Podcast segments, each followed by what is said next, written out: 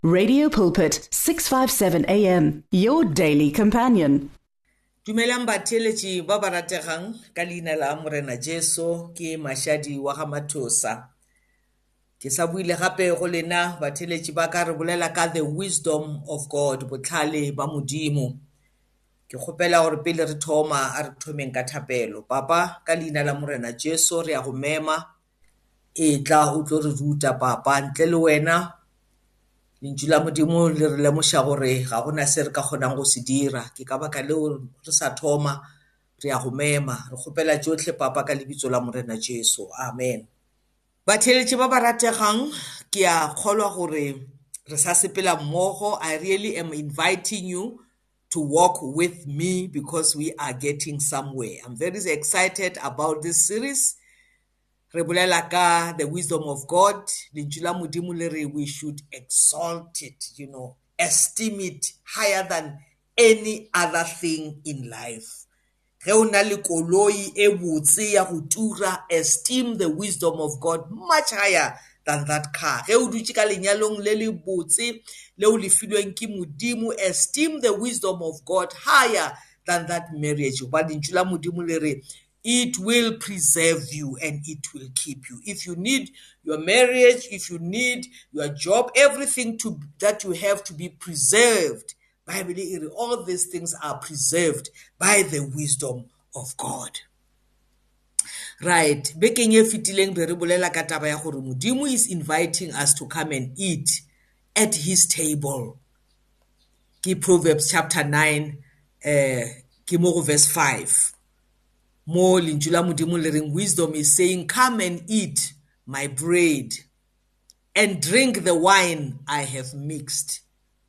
you know this is a covenant for those who understand the symbolism that is in the wine and in the bread so modimo o re come come to my table come to my table let us make a covenant fill your stomach fill your st spirit man with my word You know, let me saturate your spirit.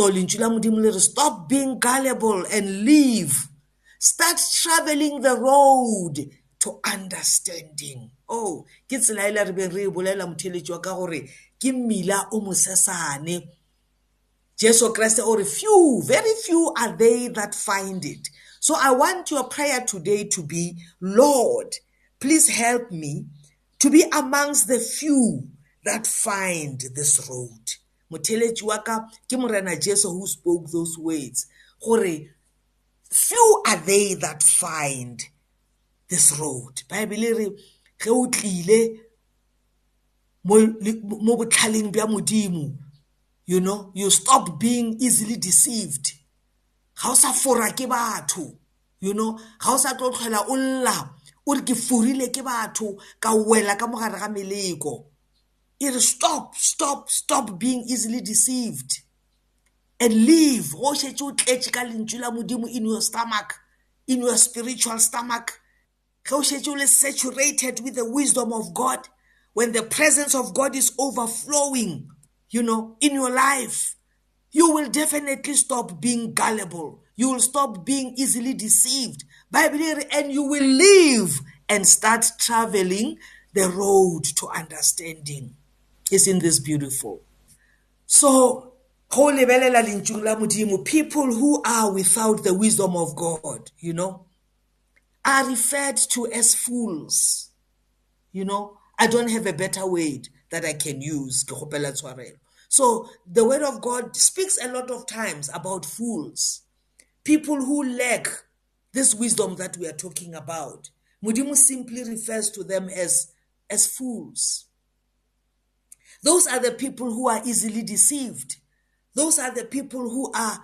are gullible So, what I want to emphasize today is that Christianity, the way I have discovered it, is not for people who are gullible, it's not for people who are easily deceived. So, the first stop is for you to stop at the table of God. Eat as much as you can of the bread that God gives of the wine that God mixes. And that is the wisdom of God. You'll remember that even when he called Joshua to come and lead the nation of Israel, the first stop was Joshua, this book of the law shall not depart out of your mouth. The instruction is right in the first book of Joshua, Joshua chapter 1, just as he was signing his job description of leading the children of Israel, you know, through to the promised land. God said, The very first table where I want you to start, this book of the law, must not depart out of your mouth, so that you can be prosperous and have good success and be able to achieve everything that I want you to achieve. So motheletši wa ka le rena bele ka ba Kriste, ge re fika mo go morena Jesu, the first stop modimo o re eat my bread and drink my blood you know so that you are not easily deceived so that you are not gullible. This way, this road that we have started traveling on, this narrow way is not for gullible people. Just or few are they that find it. To emphasize that we don't have to be easily gullible. First John chapter 4, verse 1, it says, Beloved, do not believe every spirit You know, this is from the word of God. Do not believe every spirit, but test the spirits to see whether they are from God. This is wisdom. You know, we are encouraged. Whenever you are given something, whenever you are given the word of God, whenever you are you, you are given a preaching, even with me, my beloved listeners, whenever I say things on radio, please go and check it out. Go and test it to see if I am speaking what really God is saying in His Word.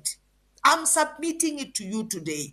Do so even with what I tell you on radio because it is from the Word of God.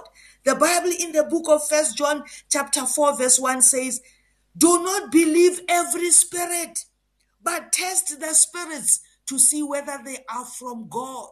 So it is very much scriptural to put a preacher under scrutiny, to check them out, to test the spirit with which they are speaking to you with. It continues to say, For many false prophets have gone out into the world.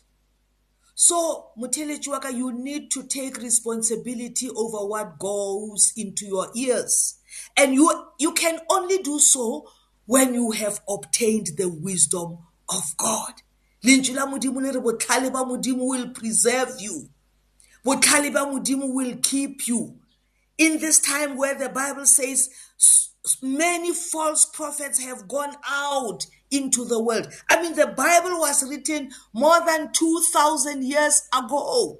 God knew that this time would come where we would encounter false prophets. So that's why he says wisdom has gone out in the streets. in the in the markets to invite people to come and eat at the table of God so that they will be saturated with the word of God to have discretion to have understanding to be able to separate issues to be able to test spirits you know this is what the bible is saying you need to have this ability to test it says test every spirit. That is why I'm even saying to you, le nna ke le Mashadi Mathosa ke bolela le lena on radio. Feel free. Test what I'm saying to see if it is from God. And if it is not from God, the Bible instructs you not to honor it, to reject it, you know. So it says, test every spirit. Do not believe every spirit, but test the spirits to see whether from God. Don't be gullible. You know, this is going back to that issue, Agori. Stop being gullible. That was Proverbs chapter 9, verse 6. It is stop being gullible and live and start traveling the road to understanding. So, if you are a person who walks in understanding, you will be able to test every spirit that comes from you. Don't just embrace everything that comes to you. Don't just take everything without questioning. In other words, God says, question. If somebody comes to you claiming to give you something from God, test it, you know, examine it, because not all spirits are from God. Therefore, many false prophets have gone out into the world. Right. First Thessalonians chapter 5, I'm going to read uh, uh, verse 20 up to 21. E bolela mantswe ya gore do not despise prophecies. Yes, it's good to be you know to open up your heart, you know, towards prophecy. But verse 21 says, but test everything. You know, receive prophecy, but test it. Don't just receive it, you know, like that, but test it.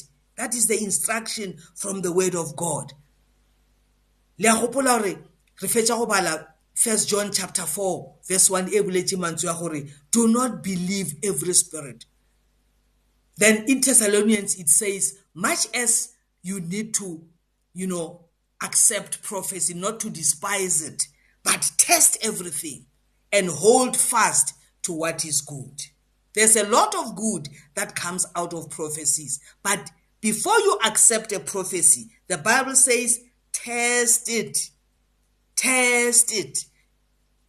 Don't believe every spirit, but test the spirits to see whether they are from God. Right. I'm going to give you another scripture. In Acts chapter 17, verse 11, we read about a church, you know, Eh, in in Berea there is something beautiful there that uh, uh, we hear about that church in Berea. Acts chapter 17, verse 11. They say, Now these Jews were more noble than those in Thessalonica. They received the word with all eagerness, examining the scriptures daily to see if these things were so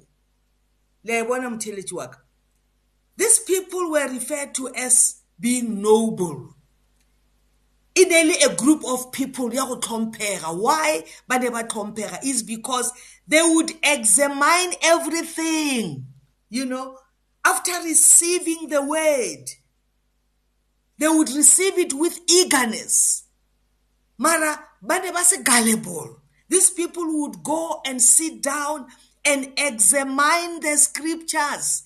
They would read the Bible to see if these things that they received were so or were true. So, this is a spiritual principle. To be a Christian, you need to be critical.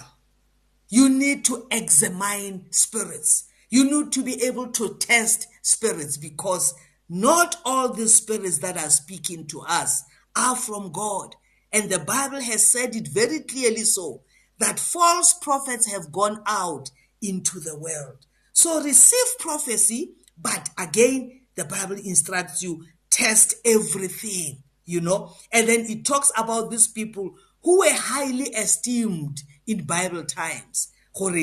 Whenever they received the word of God, they would receive it with eagerness but habayemi fao they will go and examine the scriptures and not only once but they would examine the scriptures daily you know it was something that they were doing daily to see if the things that they have received were true so luena i'm appealing to you i don't know who, who preached to you i don't know some of the beliefs that you are holding eh, to udikwele kai